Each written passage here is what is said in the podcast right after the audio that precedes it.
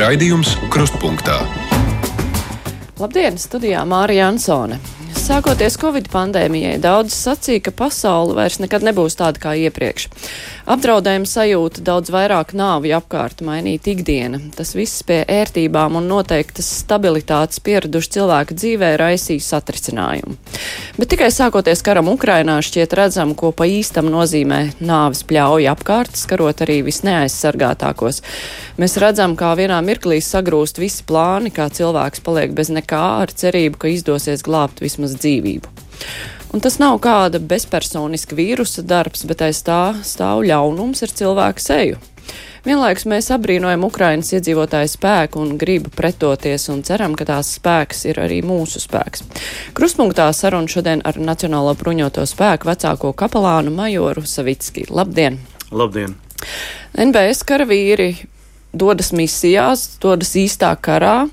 Um, tomēr to, ka kāds var iebrukt tepat pašu mājās, un tas nu, kaut kā šķita visu laiku pilnīgi nereāli. Un uh, tas, ka var kāda armija sastāties neatkarīgas valsts uh, robežām visapkārt un iet iekšā un, un izpausties ar tādu nežēlību, tas arī šķita kaut kas neiedomājams. Vai mēs vai mūsu armija iekšēji ir bijusi kaut kam tādam gatava, gatava tīri psiholoģiski, tīri emocionāli, ka kaut kas tāds var notikt? Uh, jā, uh, nu es esmu pārliecināts, ka jā. Tāpēc, ka nu, pats es esmu jau karavīrs, uh, kāpēc gimnāzijas 1996. gadā iestājos aizsardzības akadēmijā, tā es esmu karavīrs un es teiktu, ka caur tām Kā karavīram ir tas visu laiku mācības, mācības, mācības, mācības, mācības. Mēs zinām, ka pagājušajā gadā mācībās aizgāja tāds liels bilīgšķis sabiedrībā, viļņojās, ko te pa pilsētu ņemās un tā. Bet mums tas ir normāli vispār. Nu, tā sapratne, ka tev šogad jau ir sadalīts, ka būs mācības, mēs atstādāsim to un to un to. Un caur šīm mācībām patiesībā tad, kad mēs sākās, sākās arī šis, šī nelaime Ukrajinā. Mm, jāsaka, es sapratu, ka caur šīm mācībām es esmu tā formēts un trenēts, un arī karavīri, ka, nu, tā kā jā, nu, jā, ja būs tā x stunda, nu, tad mēs iesim. Nu, tāpēc, ka mēs nu, kaut kā pat, pat nav it kā kāpēc, bet, bet tu esi kā, tam jau gatavojies.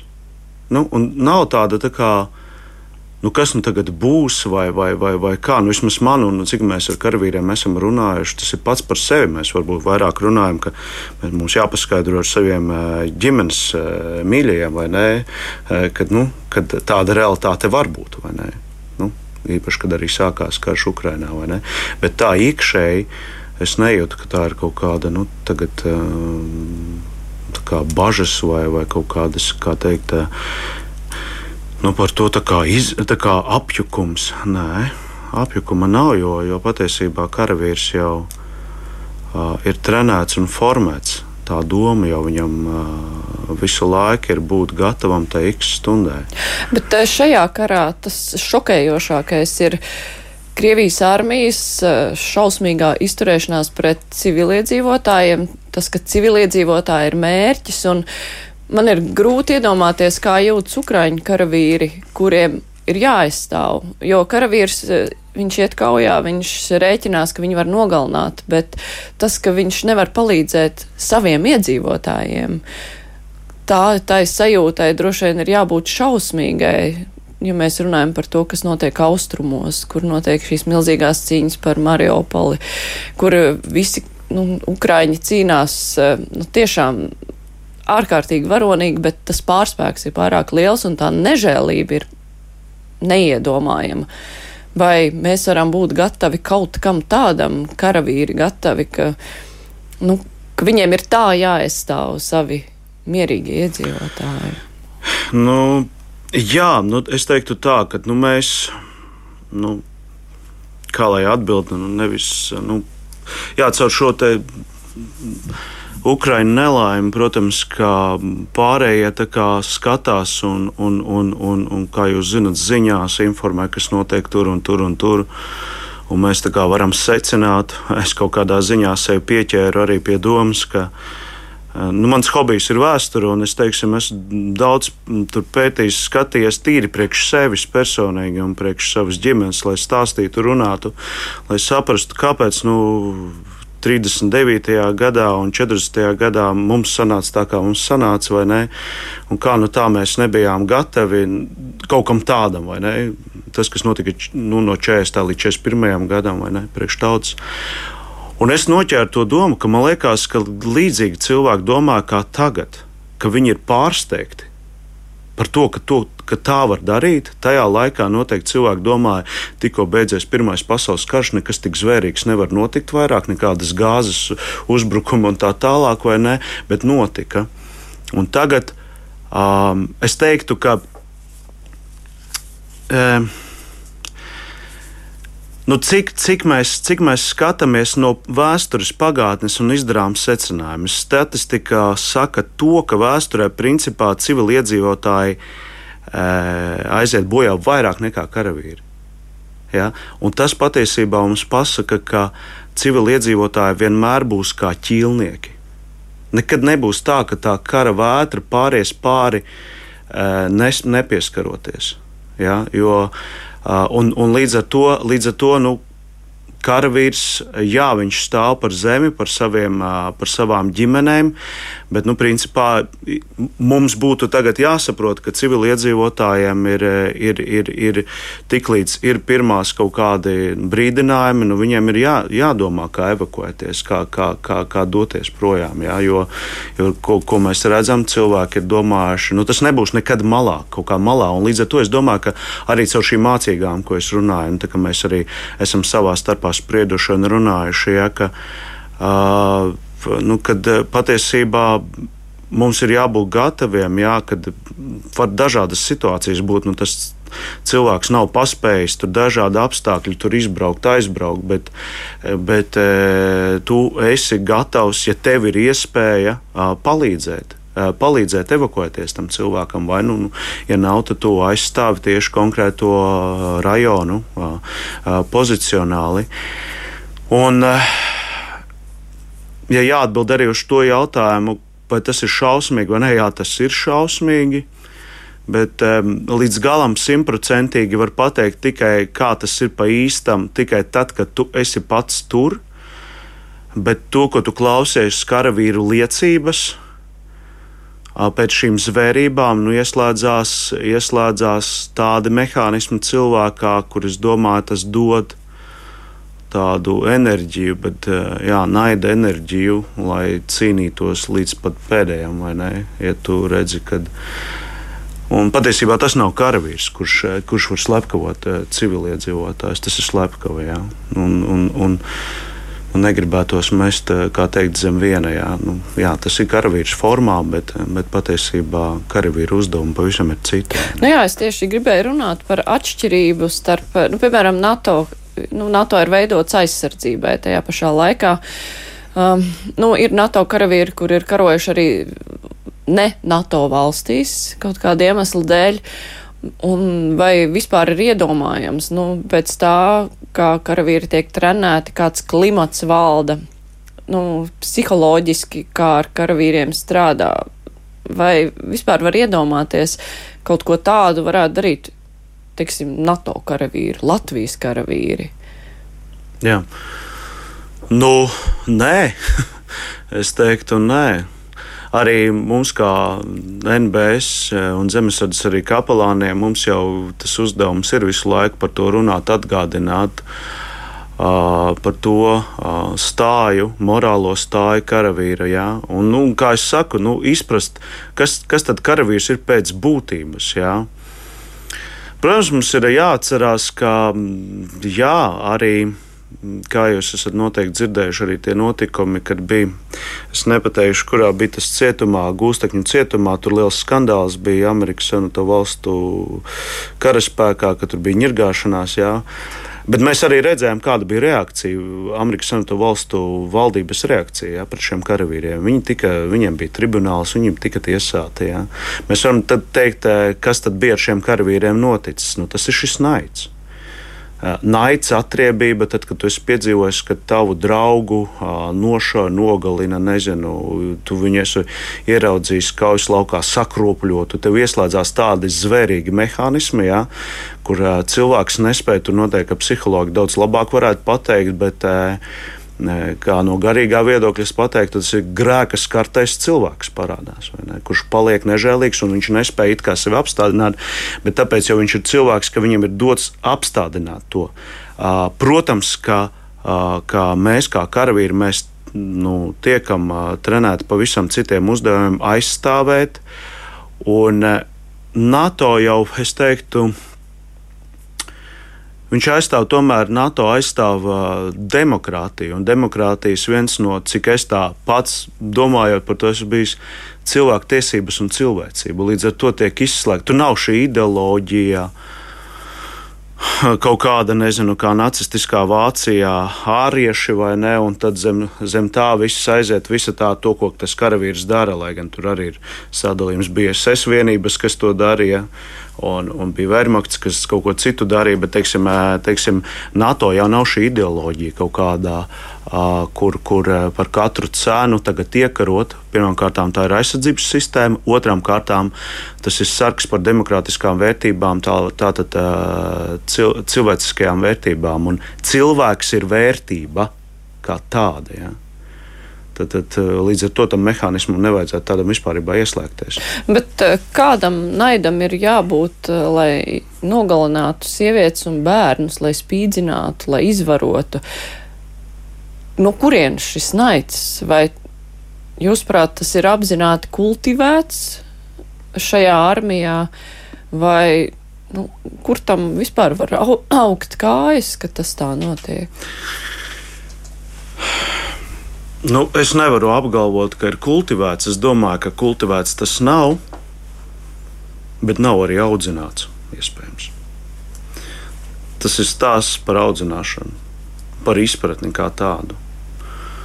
Uh, mēs vēl nezinām, kas konkrēti to ir darījis, kas ir devis šīs pavēles, vai nav devis pavēles, bet tajā pašā laikā arī nav arī iejaucies, lai tas nenotiktu. Jā. Uh, To laiks rādīs, un, un, un, un es esmu pārliecināts, ka, ka, ka tos uzvārdus arī uzzinās, un ka, kā tas viss ir noticis. Kā Kristus ir teicis, nekas jau šeit netiks apslēpts, vai ne? Bet tas ir, man liekas, nu, neaudzinātība. Ja cilvēks netiek audzināts, nu, viņš ir zvērs, saprotiet. Un vēl jaunāks par zvēru. Jā. Pat dzīvnieks tā, ne, dzīvnieks tā nedara. nerīkojās. Jā. Uh, tas ir neaudzinātība. Tāpēc jau ir ļoti svarīgi teiksim, arī šis te, uh, skaidrot un formēt karavīrus uh, pa dažādiem tematiem, pa, pa da, nu, dažādām lietām, kas es esmu, ko es daru. Jā. Bet, ja tu tīri tā, nu, mēs tiešām, es, ne, es ne, nevaru pateikt, kas, kas šīs bija pa vienībām, bet jā, tā ir neaudzinātība. Un arī visatļautības iedomība. Es nezinu, kā lai to vēl pasakā. Nu ka tu būsi nesodīts. Tā ir lepnība. Jā. Nu, trakākais, ka sabiedrība, ne jau visa sabiedrība, bet pietiekami daudz cilvēku to pieļauj Krievijā, atbalsta. Mēs esam redzējuši, ka tiek tirgotas Ukrainā salaupītās eh, mantas, nekautrējoties, ka tās ir Ukrainā salaupītās mantas. Um, tas, nu, kā sabiedrība vai tās daļa sasirgst ar tādu nežēlību vai, nu, pirmkārt, kā, kā tas notiek, otrkārt, galvenais, kā no tā var izārstēties. Jā, kā izārstēties.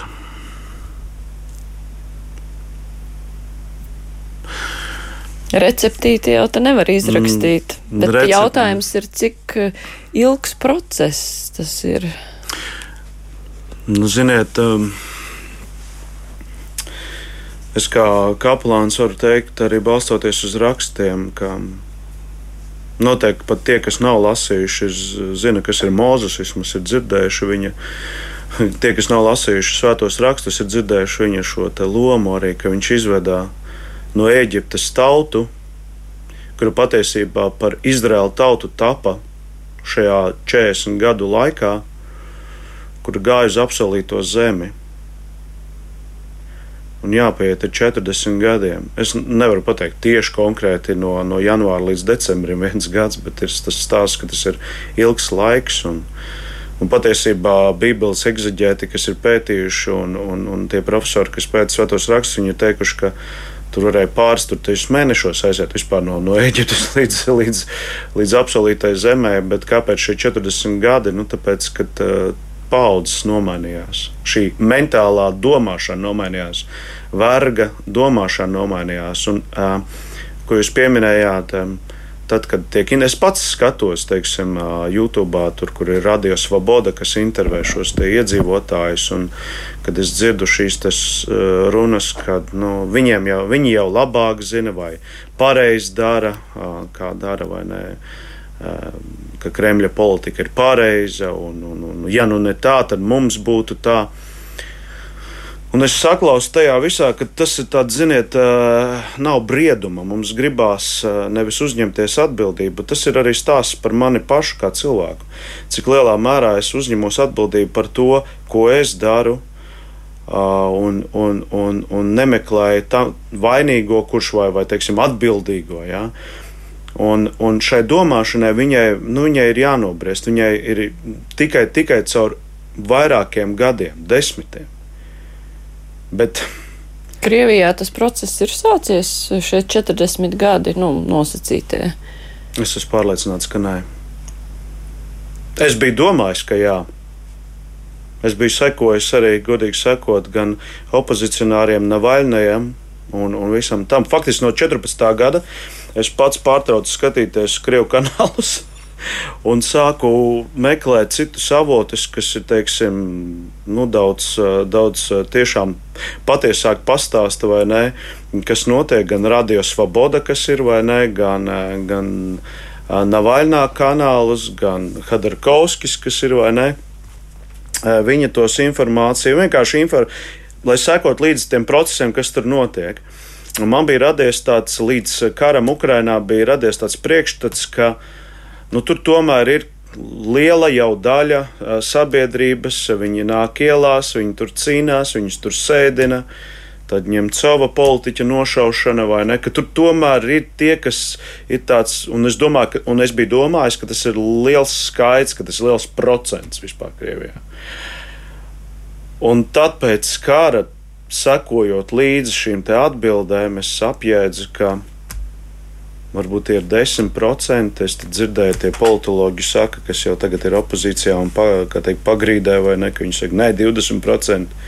Bet nu, tie, kas iet aktīvi un saka, tie ir 0,5%. Tā, tā ir. Jā, Nē, nu, tie, kas iziet ielās. Jā, jā tie ir. No, jā un, un tas ir pamazs. Tas ir. Un, un, Un es apjēdzu, ka nē, tie, tie procesi nav sākušies. Tas ir kā apmēram mēs iecel, piet, iedomātos, mēs tagad esam Eģiptē un tajā tautā, Mozus saka, ejam ārā. ejam ārā no Eģiptes, ejam uz apsolīto zemi, mainamies, nebūsim vergi. Ja?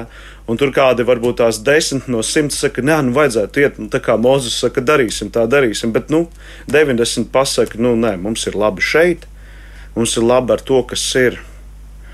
Varbūt ir bail kaut ko mainīt. Ir arī bail, bet tas ir stāsts par briedumu. Uzņemties atbildību. Jā, jā, arī nepareizi būs.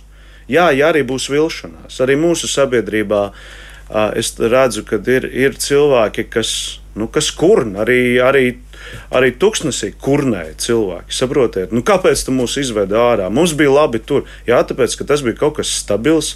E, maize dabējām, tas jau nekas, ka mūs tur sita, mūs tur turēja par neko. Mēs nevarējām augt garīgi, nobriest vai nē. Bet nu, maize mums bija, mums bija kur gulēt, mums bija jumts, mums lietas virsū. Ne, bet saprotiet, lai cilvēks nobriestu patiesībā un piedzīvotu patiesu laimi, viņam ir jānobriest iekšā un jāuzņemās atbildība ja, par to, ko viņš dara, arī caur kļūdām. Un, eh, es, es ticu, ka Krievijā tauta to piedzīvos, viņa uzsāk šo procesu. Es ticu. Tāpēc, ka mēs tomēr visi esam dieva radības, un, un uh, visi, visos mums ir ilgas pēc laimes. Bet, uh, Kas no, kam jānotiek tādam, lai uzsāktu šis process, es tiešām nezinu. Es biju domājis, ka tas ir uzsācies, lai gan man bija aizdomas, es biju tā novērojis zīmes, saprotiet, kaut kādā ziņā. Ja mauzolejs vēl joprojām ir un ir Leņķina kults, te pašā laikā tiek kanonizēta cara ģimene, nu, kaut kas nav kārtībā. Jā. Tas, jā, tas kokteils tas kaut... ir kaut kāds neiedomājams. Staļins vienlaikus arī tiek eh, celts un zīmēts ikonās. Jā, un, un, un tas, tas, un, un tas, tas šausmina, kad uh, ir Es vispār biju dzirdējis jau pirms tam, ka tā ir Krievijas kaut kāda identitātes problemātika. Viņi nespēj sevi kā, kā sabiedrību noidentificēt. Vai, ne? vai nu viņi tā cariskā Krievija, vai viņa ir padomu Krievija, vai viņa vispār ir jaunā Krievija, kas balstīta uz demokrātiju. Un, un, nu, jā, jā, bet to, to var izdarīt tikai pati tauta Krievijas. Neviens nevar izdarīt to. Arī mums eh, tepat blakus ir gan daudz cilvēku, kuri atbalsta karu, kuri nav šausmās par to, kas tur ir izdarīts, eh, ko Krievijas armija ir pastrādājusi.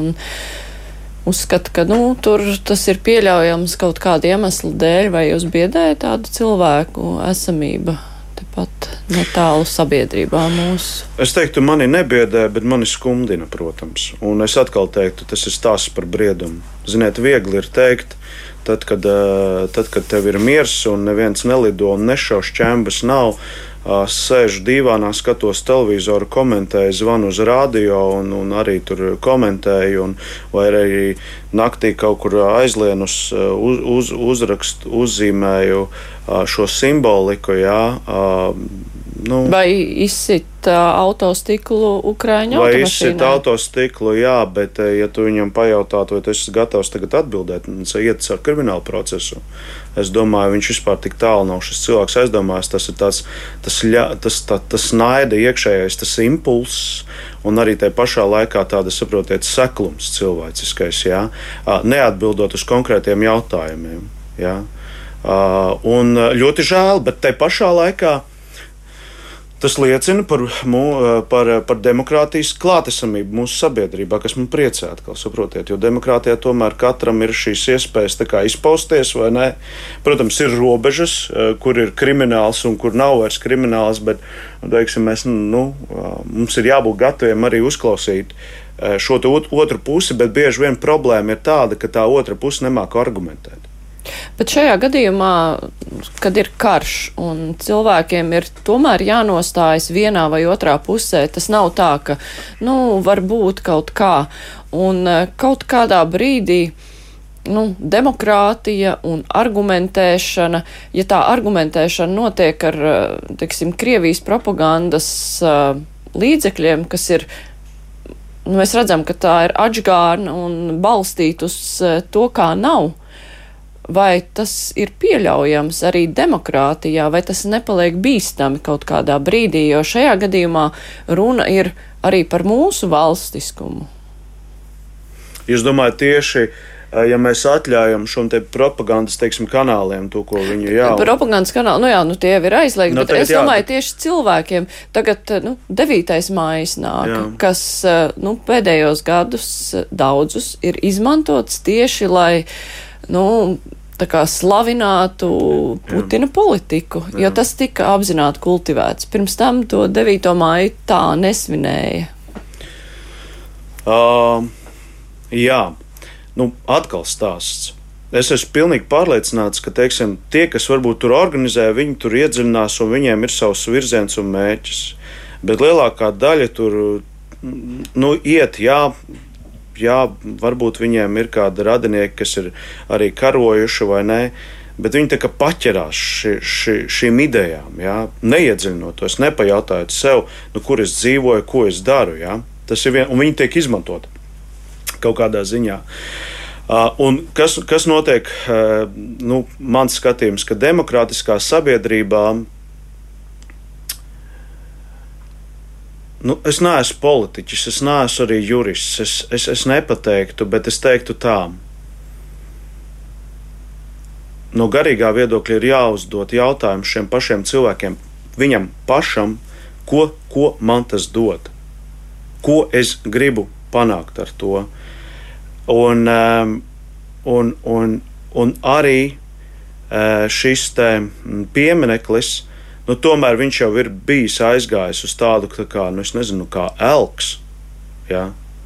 Tad, kad, uh, tad, kad tu klausies tās intervijas, vai pirms tam, kad tur ir bijuši visādi tie lozungi, uh, mēs varam atkārtot, un nezinu, kas, jā, nu, nu, nu, tas, ir jautājums, pagaidiet, nu, ko jūs varat atkārtot un kāpēc jūs vēlaties to darīt, vai, vai, vai kas notiek, vai nē. Kas tad ir noticis ar jums šajos 30 gados, ja jūs nesat spējuši sevi identificēt ar, ar, ar, ar, ar Latviju, ar šo zemi, ar šo sabiedrību. Uh, un uh, tad es teiktu, ja tas aiziet ka tas nedod neko. Nu, saprotiet, ja kaut kādai kustībai, kaut kādai rīcībai ir jādod, jākalpo kopīgam labumam, vai šie, šie, šī pulcēšanās un ņemšanās dod kaut kādu pienesumu mūsu sabiedrībai, viņam, vai viņa mūs apzog. Un, ja mēs atbildam uz šo jautājumu, nu, tad uh, ir instrumenti demokrātiskā sabiedrībā. Kaut arī kliedz, ka tā nav demokrātija, Nē, nu, arī līdz demokrātijas izpratnē ir jānobriest. Un mēs briestam kā sabiedrība līdz tam. Demokrātija nav visatļautība. Ja? Un, ja tas ieļauno vai, vai velk uz kriminālu, ja? nu, tad ir procesi, kas to var apstādināt. Teiksim, tas tā kā, ziniet, ģimenē bērniem, tiem, kam ir bērni vai ne audzinot. Jā. Izlutināts bērns, viņš arī var sākt kliegt un prasīt, lai dodiet man nazi vai ne, jo tās ir manas tiesības. Ja? Bet vecāki e, ņemtu nost viņam nazi, jo viņš var sevi savainot. Nu, tad demokrātijai jārīkojas gudri. Demokrātija pieprasa briedumu cilvēka, un briedums dod šo gudrību, rīkoties gudri. Es paņemu no bērna nazi, lai viņš sevi nesavaino un, un meklēt tādā veidā arī pie tiem, kas ir pulcējušies pie šī pieminiekļa. Es neko nesaku par veterāniem, kas tiešām vēl ir dzīvi un, un kas, kas, kas tur ka, nu, viņu maz, bet, bet nu, vi, viņi, viņi teiksim, zina, kas ir šis. Un ja viņiem pajautātu, vai tiešām jūs vēlētos karu, es esmu pārliecināts, ka nē. Jā. Vai, vai arī leģionāri, kas mums ir ot, otra puse, vai ne cilvēki, kas ir izgājuši caur šo elli. Viņi pateiktu, ja tur būtu šādas diskusijas, pastāstiet mums par karu, vai tiešām ir jēga karot, un viņi pastāstīja to. Ja? Bet, nu, labi, atgriežoties atpakaļ, ja? ko, ko, ko dot šie visi pasākumi mūsu sabiedrībai? Un, ja tie mūs tikai apzog un, un notrulina un, un sanaido, nu, tad ir jāieslēdz mehānismi, gudri, kas, kas teiksim, nu, ierobežo vai, vai izdomā mehānismu, kā, kā, kā tas var, var strādāt, darboties. Eh, darboties jā. Jā, mēs sarunu tūlīt turpināsim. Es eh, atgādināšu tikai klausītājiem, ka šodien mūsu studijā ir Nacionālo bruņoto spēku vecākais kapelāns Majors Mareks Savickis. Raidījums Krustpunktā. Gribas runāt arī par armijas un baznīcas attiecībām. Mm -hmm. Par kapelānu lomu vispirms. Jā, jā, var, jā. Ko dara kapelāns? Bazni, nevis baznīcā, Bru, bet bruņotajos, bruņotajos spēkos. Nu, patiesībā mēs esam kā garīgie vadītāji komandierim un arī karavīriem. Un, un mēs esam paņēmuši šo te, kā mēs iestājāmies, teiksim, atguvām neatkarību. Kapelāna dienas no 93. gada ir jau. Bet, protams, viņš arī ir audzis Tur sākumā nezināja, kā to visu, bet, nu, tāpēc, kad uh, mums kaplāna dienas līdz 40 gadam bija, tas mehānisms bija savādāks, bija šī to ne. Bet uh, kāpēc? Tāpēc, ka nu, patiesībā jau mēs tik un tā esam uz kristīgiem pamatiem, vai ne, būvēta mūsu sabiedrība vispār kā Eiropa, kā tāda. Rietumu, jā, Rietumu civilizācija. civilizācija jā. Uh, un, un, respektīvi, mūsu sabiedrotie tie paši amerikāņi, kanādieši, viņiem ir kapelāni vai ne? Nu, Un, un līdz ar to mēs esam ņēmuši kā viņu tā pieredzi, un tad mēs esam ielikuši viņus formās, vai ne? Un, un tad šis dienests, nu, patiesībā, nu, rindā jau man nestāv. Bet kā tas praktiski notiek? Tā kā nāk cilvēki pie jums kā pie psihologa, vai jūs runājat ar cilvēkiem? Es teiktu tā, uh, mēs paši ejam uzlu, uzlūkot šos cilvēkus. Ir oficiālā daļa, kā mēs ir sadalījumi. Ir, nu, teiksim tā, domās, kā mēs darbojamies. Ir ja mēs sakām, kapelas kapelāns. Kā teikt, svētbrīži, uzrunas un tā. Un tad ir uh, taktiskais uh, kaujas kapelāns, kurš ir kopā arī mācībās, un tur ir savas funkcijas veids, vai ne? Un tad ir tas štāba kaplāns, kurš redz to kopīgo kontekstu un pienesumu. Ja? Varbūt es to neteikšu ēterā, ja to sadalījumu, bet tā doma, kā, kā, kādos levelos viņš ir vai nē. Bet viņš vienmēr būs arī padomu devējs arī komandieriem, arī, teiksim, kad tiek pieņemti lēmumi. Nezinu, karavīrs kaut ko ir izdarījis, un tu jūti, ka, teiksim, tas nav, nav kaut kādā ziņā, tas jau aiziet tā, ka viņš jūtās, ka viņš netaisnīgi tiek kaut kā viņa rīcība tiek uzlūkota, nu tad tu iestājies. Vai atkal, ja kādam ir bēdas, teiksim, viņš ir zaudējis kādu tuvinieku vai nē, tu ej pie viņa runāt. Nu, Un, ja viņš ir atvērts šo sarunu, tu esi gatavs, tu piedāvā šo sarunu, un tu, protams, neuzspiedi. Jā. Bet es esmu ievērojis arī to interesantu faktu, ja tu esi kaut kur atvaļinājumā un kaut kur neesi vienībā bijis kaut kur citur, jā, tad tev jautā, kur tad jūs bijāt, vai ne? Ka tevi tomēr redz, ja tie cilvēki, varbūt tā apziņa, ka tas kaplāns ir klātesošs. Bet ir bijuši tādi, kas atnāk, jā, tā kā pie psihologa, jā, un es saku, bet klau, nu mums ir psihologs. Varbūt te, un es arī pamudinu to cilvēku, iet pie psihologa, izprast sevi. Bet eh, kapelāns ir tikai ticīgajiem karavīriem? Nē, visiem. Pilnīgi visiem. Arī tam, kurš netic. Nu, tiksim, man nav mēģis, es skatos vispār. Ja es neesmu priesteris, esmu precēts vīrs, eh, lais, katoļu katehēts, pabeidzis eh, teoloģiju, ja, kad, kad, nu, kad dot, un man no uh, biskups Zbiņos Stankenevičs ir nominējis. Es pirms tam īstenībā biju karavīrs. Es sastapu Dievu 2007. gadā caur savu krīzi personīgo. Izmācījos teoloģiju, un pēc tam no 16. gada man paaicināja, varbūt vēlreiz būt kapelāns. Es vispār, nu, kā karavīrs, esmu gājis to procesu, vai ne? Un, un, un, un, un, un īstenībā nav bijis mēģis tagad, eh, lai, lai visus pa katoļiem sataisītu vēl kaut ko. Mēģis ir eh, cilvēkam būt klātesošam, kad viņam ir grūti, bet arī aicināt cilvēku iedzināties būtībā, nu, to, ko tu dari. Nu, kā nebūt tādam virspusējam. Jo tomēr karavīrs dod šo zvērstu, vai ne? Es esmu gatavs atdot visus spēkus, veselību un netaupot pat dzīvību. Ja? Nu, kas tas par zvērstu iedomājieties? Ja? Bet cik daudz, teiksim, iedziļinās tajā, vai ne? Un tu esi tas, kurš kā, to atgādina, Klau, ka tā dzīve ir daudz dziļāka un, es teiktu, interesantāka. Ja? Kaujas kapelāns ņem ieroci rokā? Nē, mēs, mēs esam tā kā skatāmies. Peacekeeperi uh, ir kombatants, ir kaujinieks un peacekeeperi tā kā Nu, mieru uzturētāji. Miera uzturētāji, jā, un pēc Ženēvas konvencijas skaitās, ja mūs paņem gūstā, pret mums ir jāattiecās kā pret peacekeeperiem. Es šaubos, ka tā ir, bet. Jā. Jo, diemžēl, tagad arī kaujas laukā jau sarkano krustu vairs tā nenes, vai ne, un, un krustiņu arī maskē, vai ne, jo tas, diemžēl, nu, neko nenozīmē. Tas viss šancē Pirmā pasaules karā tiešām tā saka, ka Pirmā pasaules karā tas viss vēl strādāja.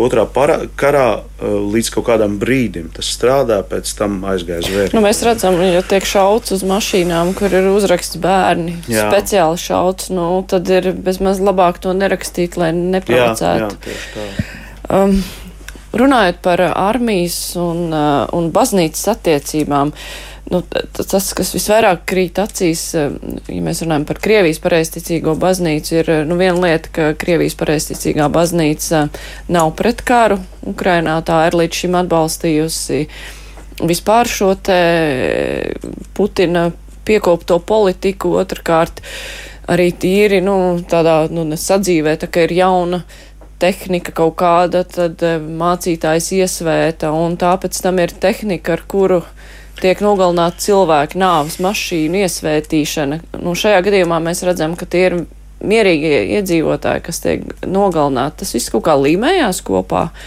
Tā, tā, tā baznīcai vajadzētu būt tādai lomai. Tik tuvu valsts varai un tik tuvu nāves mašīnai. Nu, nē, mans, mans personīgais uzskats, un tas ir arī e, mūsu valstī, ka baznīca ir atšķirta no valsts. Bet tajā pašā laikā, saprotiet, tas ir atkal, ka, ka baznīca tomēr kalpo sabiedrībai. Bet valsts sastāv no sabiedrības. Ja? Tas ir tāds links, tāds tilts. Ja? Uh, bet kāpēc svarīgi būt atšķirtai? Man liekas, ka tā ir tā problemātika, kad um, kad ja baznīca jau ir teiksim, kopā sēž ar politiku, tad viņa tā kā paliek nevis kalpo cilvēkam vai sabiedrībai, bet viņa kalpo politikai. Un no tā arī izrieta visas šīs darbības, ka mēs varam iesvētīt, sprediķī pateikt ja, tādus vārdus, kas, kas, kas attaisno vārdarbību.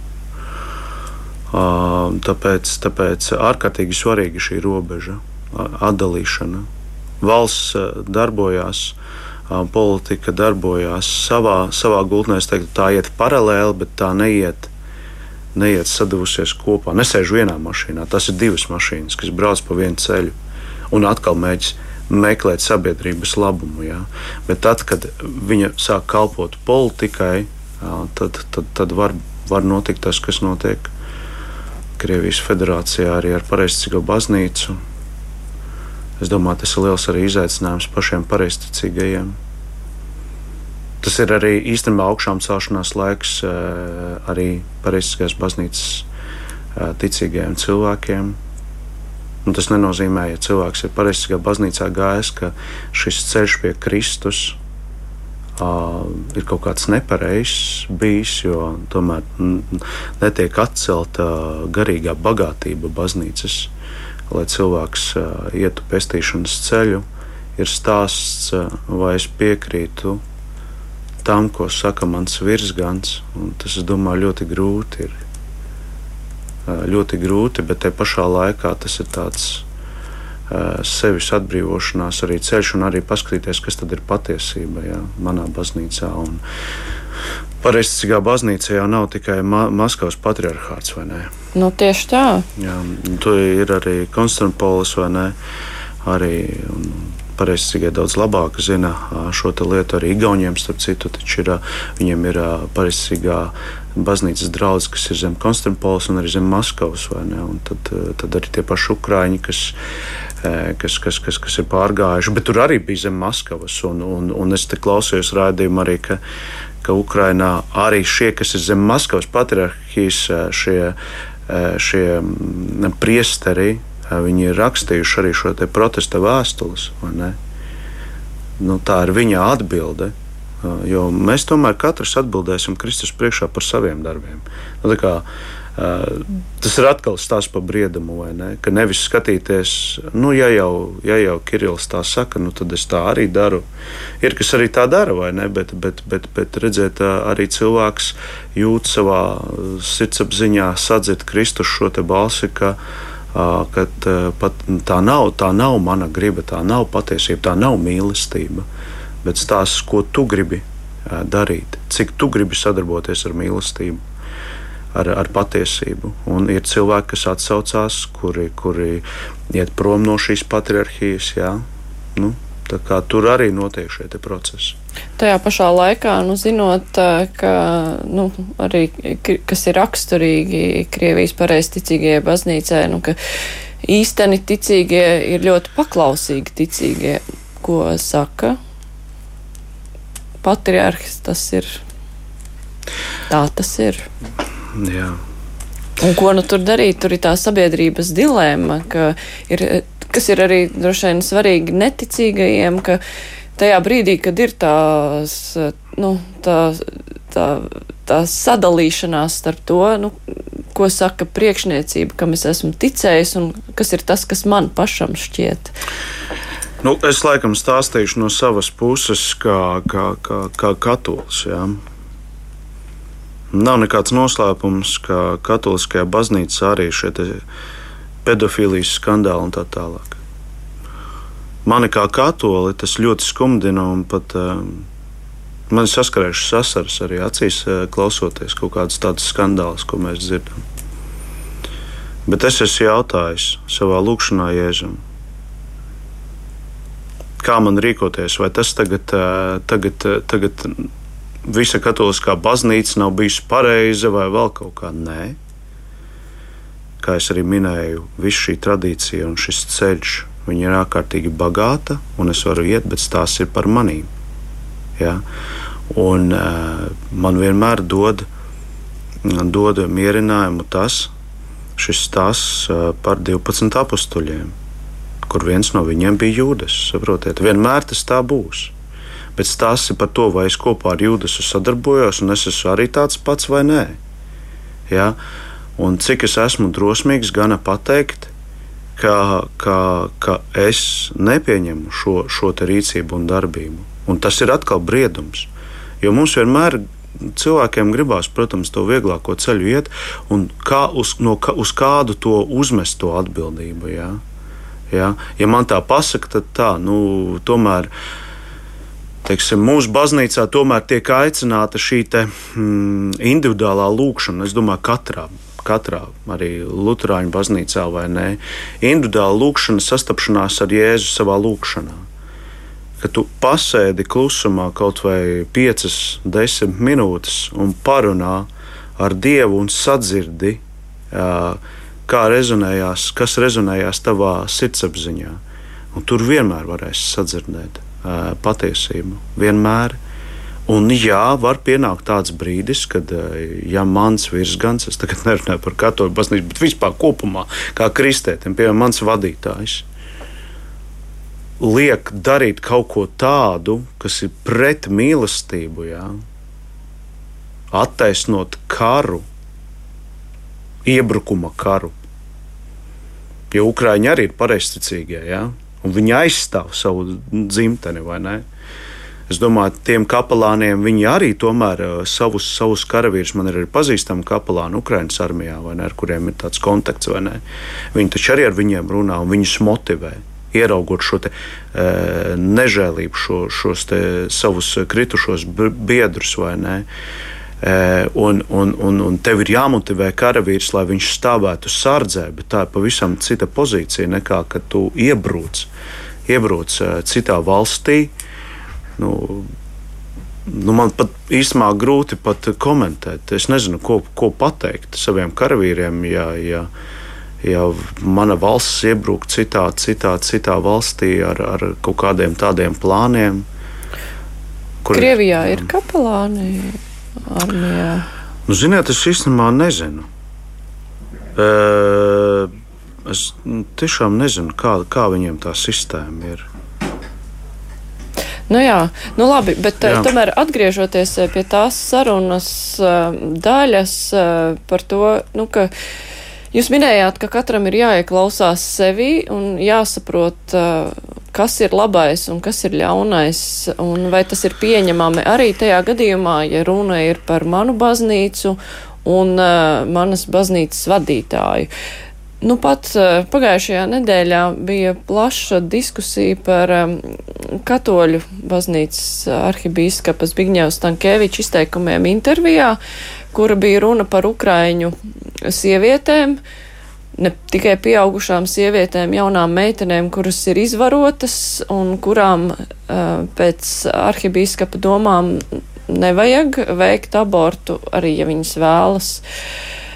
Ar domu, nu, ka viņām labāk būs uh, pēc tam dzīvot tā, un, un ka katram bērnam ir tiesības dzimt.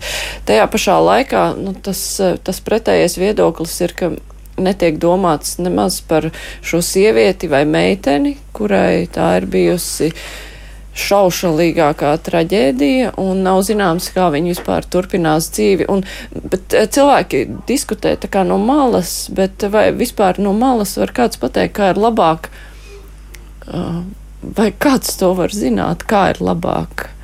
Un eh, kurš tad ir tas darbs, kas ir vadīts no mīlestības? Ai, sarežģīts jautājums, mēģināšu atbildēt. Nu, katrā ziņā man nav tiesību nosodīt sievieti, kas ir gājusi cauri šādu šausmīgu pieredzi, ja viņa šo abortu izdara. Bet te pašā laikā, ja šī sieviete man jautātu, ko darīt, es teiktu, saglabā bērniņu. Nu, Un tur ir tā atšķirība. Ja jautā, tad viena lieta ir dot padomu, pēc savas skatījuma, bet cita lieta ir uzspiest uh, kādam, kā ir jādara. Nu, tas ir tas stāsts. Es, es nenosodītu, ja viņi to izdarītu. Bet, ja viņi ar maniem runātu un jautātu manu padomu, tad es teiktu, jūs zināt, stāsts ir par svētumu. Svētums ir, nu, ir tāds līmenis, kas paceļ mūs ārpus cilvēcīgā. Un mēs visi esam aicināti uz svētumu. Es zinu, ka man iespējams kāds, kas klausās, nosodīt, ko tu tur saproti, bet es, eh, cik es esmu domājis savā prātā, es zinu arī mm, no vēstures arī tādas pieredzes, eh, tādas stāstus, kad, kad kari ir gājuši pāri teiksim, eh, zemēm un, un kad ir klostermāsas izvarotas, kuras palikušas stāvoklī. Un ir šie stāsti, kad šie bērni tiek iznēsāti, laisti pasaulē audzināti arī klosteru sienās. Un tie cilvēki pēc tam izaug un tālāk veido savu ceļu. Nu, saprotiet, bet, bet, bet tai pašā laikā man nav tiesību, kā Kristus saka, lai met pirmais akmeni tas, kurš ir bez grēka. Es arī esmu grēcīgs cilvēks, un man nav tiesību šo sievieti vispār kaut kādā veidā nosodīt, ja viņa arī spērtu šo soli. Kā jums šķiet, vai laicīgajā pasaulē, kas, nu, tomēr mūsu sabiedrība ir visnotaļ laicīga, nu, tādi cilvēki, kuri patiešām nopietni um, ir piekopīja kādus reliģiskus rituālus, nu, tas ir mazākums mūsu laikos, un tomēr tā domāšana ir diezgan praktiska, un Daudz arī saka, nu kā 21. gadsimtā mēs zinām, kas bija lielais sprādziens, mēs visu zinām, un mēs tā nodarbojamies ar kvantu fiziku. Un, kas, kas tur varētu būt vēl pārdabisks šajā pasaulē, bet vai šajā pasaulē arī ir vieta brīnumam, un arī, nu, teiksim, domājot par kaut kādu nākotni, par to, kā viss varētu mainīties. Kāpēc es vaicāju, bija izskanēja tā klusi, vien katoļu, katoļu pasaulē, tas vairāk bija dzirdams un skaidrots, bet 25. martā pāvests Francisks darīja to, nu, nu, kas tā kā bija jau jādara pāvestiem pēc Pirmā pasaules kara veltīja Krieviju un, un Ukrainu dievāts bezvainīgajai sirdī. Jā. Šis rituāls, ko tas nozīmē? Nu, cik es esmu lasījusi, ka tas ir nu, stāsts jau vairāk nekā simt gadu garumā. Jā, jā. Jā. Un kā savā ziņā tiek skaidrots, ka tas process, kas tagad notiek ar Krieviju, ir saistīts ar to, kas netika izdarīts tajā laikā. Jā, paldies par šo jautājumu.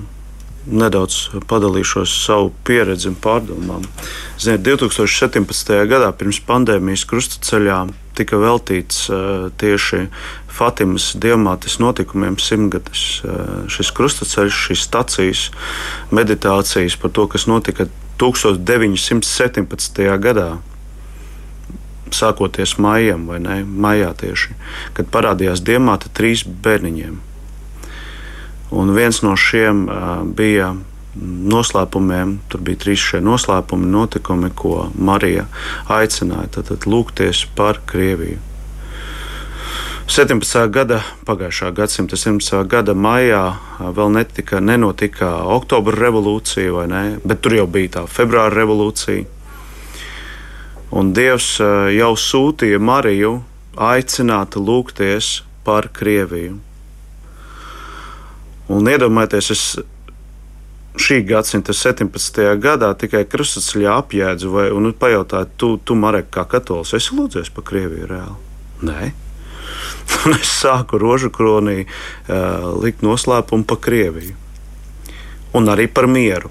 Un tagad, kad notiek šīs šausmas, ziniet, man ar to es esmu priecīgs, ka es esmu atsaucies šim aicinājumam, lūgties, jo ir jālūdzās kas eh, notiek, kas, kas stāsta par to, ka eh, tiek, eh, tiek lūgts un, un, un veltīts diamātes sirdī. Vispār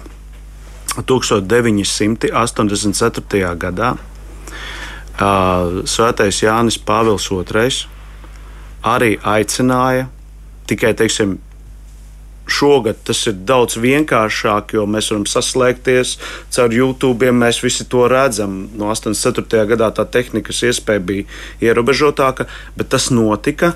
Un, ziniet, 85. gadā, ja Gorbačovu ievēlēja un sākās perestroika, un, un pavisam citi procesi aizgāja. Ja? Un tagad vēlreiz mēs to atdodam. Jautājums, kāpēc mēs toreiz lūdzāmies, kāpēc nekas nenotika. Bet Dievs aicina nemitīgi lūgties. Nemitīgi tas nav garas lūkšanas, tagad stundu nolūkšanas, bet sirds lūkšana, kaut vai šautru lūkšana.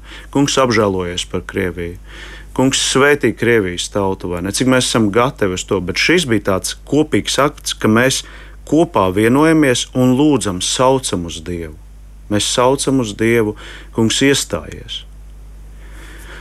Un es teiktu, es saskatu šos brīnumus un dieva darbus, kā jūs dzirdējuši, esat, eh, ka tur nesanāk tas eh, uzbrukums vai ne Donbasa reģionā, jo tur lietus ir eh, entās dienas tagad līs un tā tehnikas iestieg vai ne. Šie procesi notiek, šie brīnumi notiek. Dievs ir klātesošs. Jā. Daudz jautā, kur ir Dievs, kāpēc viņš pie, pieļāva šo karu. Dievs caur šiem procesiem un ne tikai caur labas gribas cilvēkiem, caur drosmīgiem cilvēkiem darbojās pretēji ļaunumam vai ne. Un um, laiks rādīs, es esmu pārliecināts, godīgi sakot, man iekšējais miers tieši pēc šī 25. marta uh, aizlūguma. Mēs piedalījāmies arī svētā misē, attālināti ar ģimeni vai ne. Piedalījāmies šajā procesā, mēs lūdzāmies arī. Man iekšēji ir pilnīga pārliecība, ticība par to, ka uh, dieva darbus mēs vēl priekšā redzēsim. Ja? Un tas ir ārkārtīgi svarīgi būt vienotiem šajā lūkšanā. Ja? Tas ir tā kā uh, kā parasti to saka, eh, žagarus. Vienu žagaru mēs varam pār, pārlaust, vai ne 10 vai, vai 50 žagarus mēs vairs nevaram pārlaust. Tad iedomājieties, tur bija kaut kāda, es negribu samelot, tur bija vairāk tūkstošu biskupu, tad 400 eh, pāri, laikam, tūkstoši priestru un vēl ticīgā tauta, un vēl ne tikai katoļi. No, var, visi bija aicināti aizlūgt vai ne, atdot to dievam. Mēs atdodam tev un paļaujamies uz tevi, ja? un, un mēs turpinām savus ikdienas darbus, bet mēs mēs saucam uz tevi, Dievs, vai ne? Un es esmu pārliecināts, ka Dievs uh, darbosies. Mēs redzēsim. Mēs, redzēsim. mēs jau tagad redzam saku, šo te, šos te mazās, mazos brīnumus, ja, kas tur notiek. Bet nu, tas ir jāsaskata. Saprotiet, ja mums ir skatījums tikai kaut kāds, nu, ja tur nav tāda rezultāta, mēs jau skatāmies ar kaut kādu rezultātu. Jau, ja? Jābūt tādam, ja tāda nav, nu, tad mēs nevaram tos brīnumus saskatīt. Ja? Ja? Dievs nav kliedzošs. Viņš ir kluss, bet viņš darbojās. Nu jā, un katrā ziņā pat ja cilvēku ticība kaut kam atšķiras, kurš tic dievam, kurš tic uh, procesam, tad uh, tomēr ticība tas ir liels virzītājs spēks, kā arī cerība. Um, mums, diemžēl, vairs daudz laika sarunai nav es, palicis. Es vienkārši, bet... bet tas ir taču skaisti, ka mēs Eiropu varam vienoties, pat ne Eiropa, Amerika, visas globus, visi varam vienoties. Mums visiem rūp uh, Ukrainas tautas liktenis, arī Krievijas tautas liktenis. Ar šo aktu mēs parādām, ka mēs uzticamies Tev, Dievs, mums tas rūp, mēs gribam, lai tur būtu miers, mēs gribam, lai arī Krievijā uzsākas demokrātiski procesi. Jā, un arī šai vienotībai ir ārkārtīgi liela nozīme. Tas ir skaidrs. Es saku paldies. Šodien kopā ar mums bija Nacionāla bruņoto spēku vecākais kapelāns Majors Mareks Savickis. Paldies, ka varējāt atnākt šajā otro lieldienu pusdienas laikā. Rīt kruspunktā mēs runāsim arī par Ukrainu. Mēs um, vērtēsim procesus, kas tad ir konkrēti noticis pēdējā laikā un kādas ir nākotnes attīstības scenāriji. Paldies, raidījums ar to izskan. Producente Vijunāma.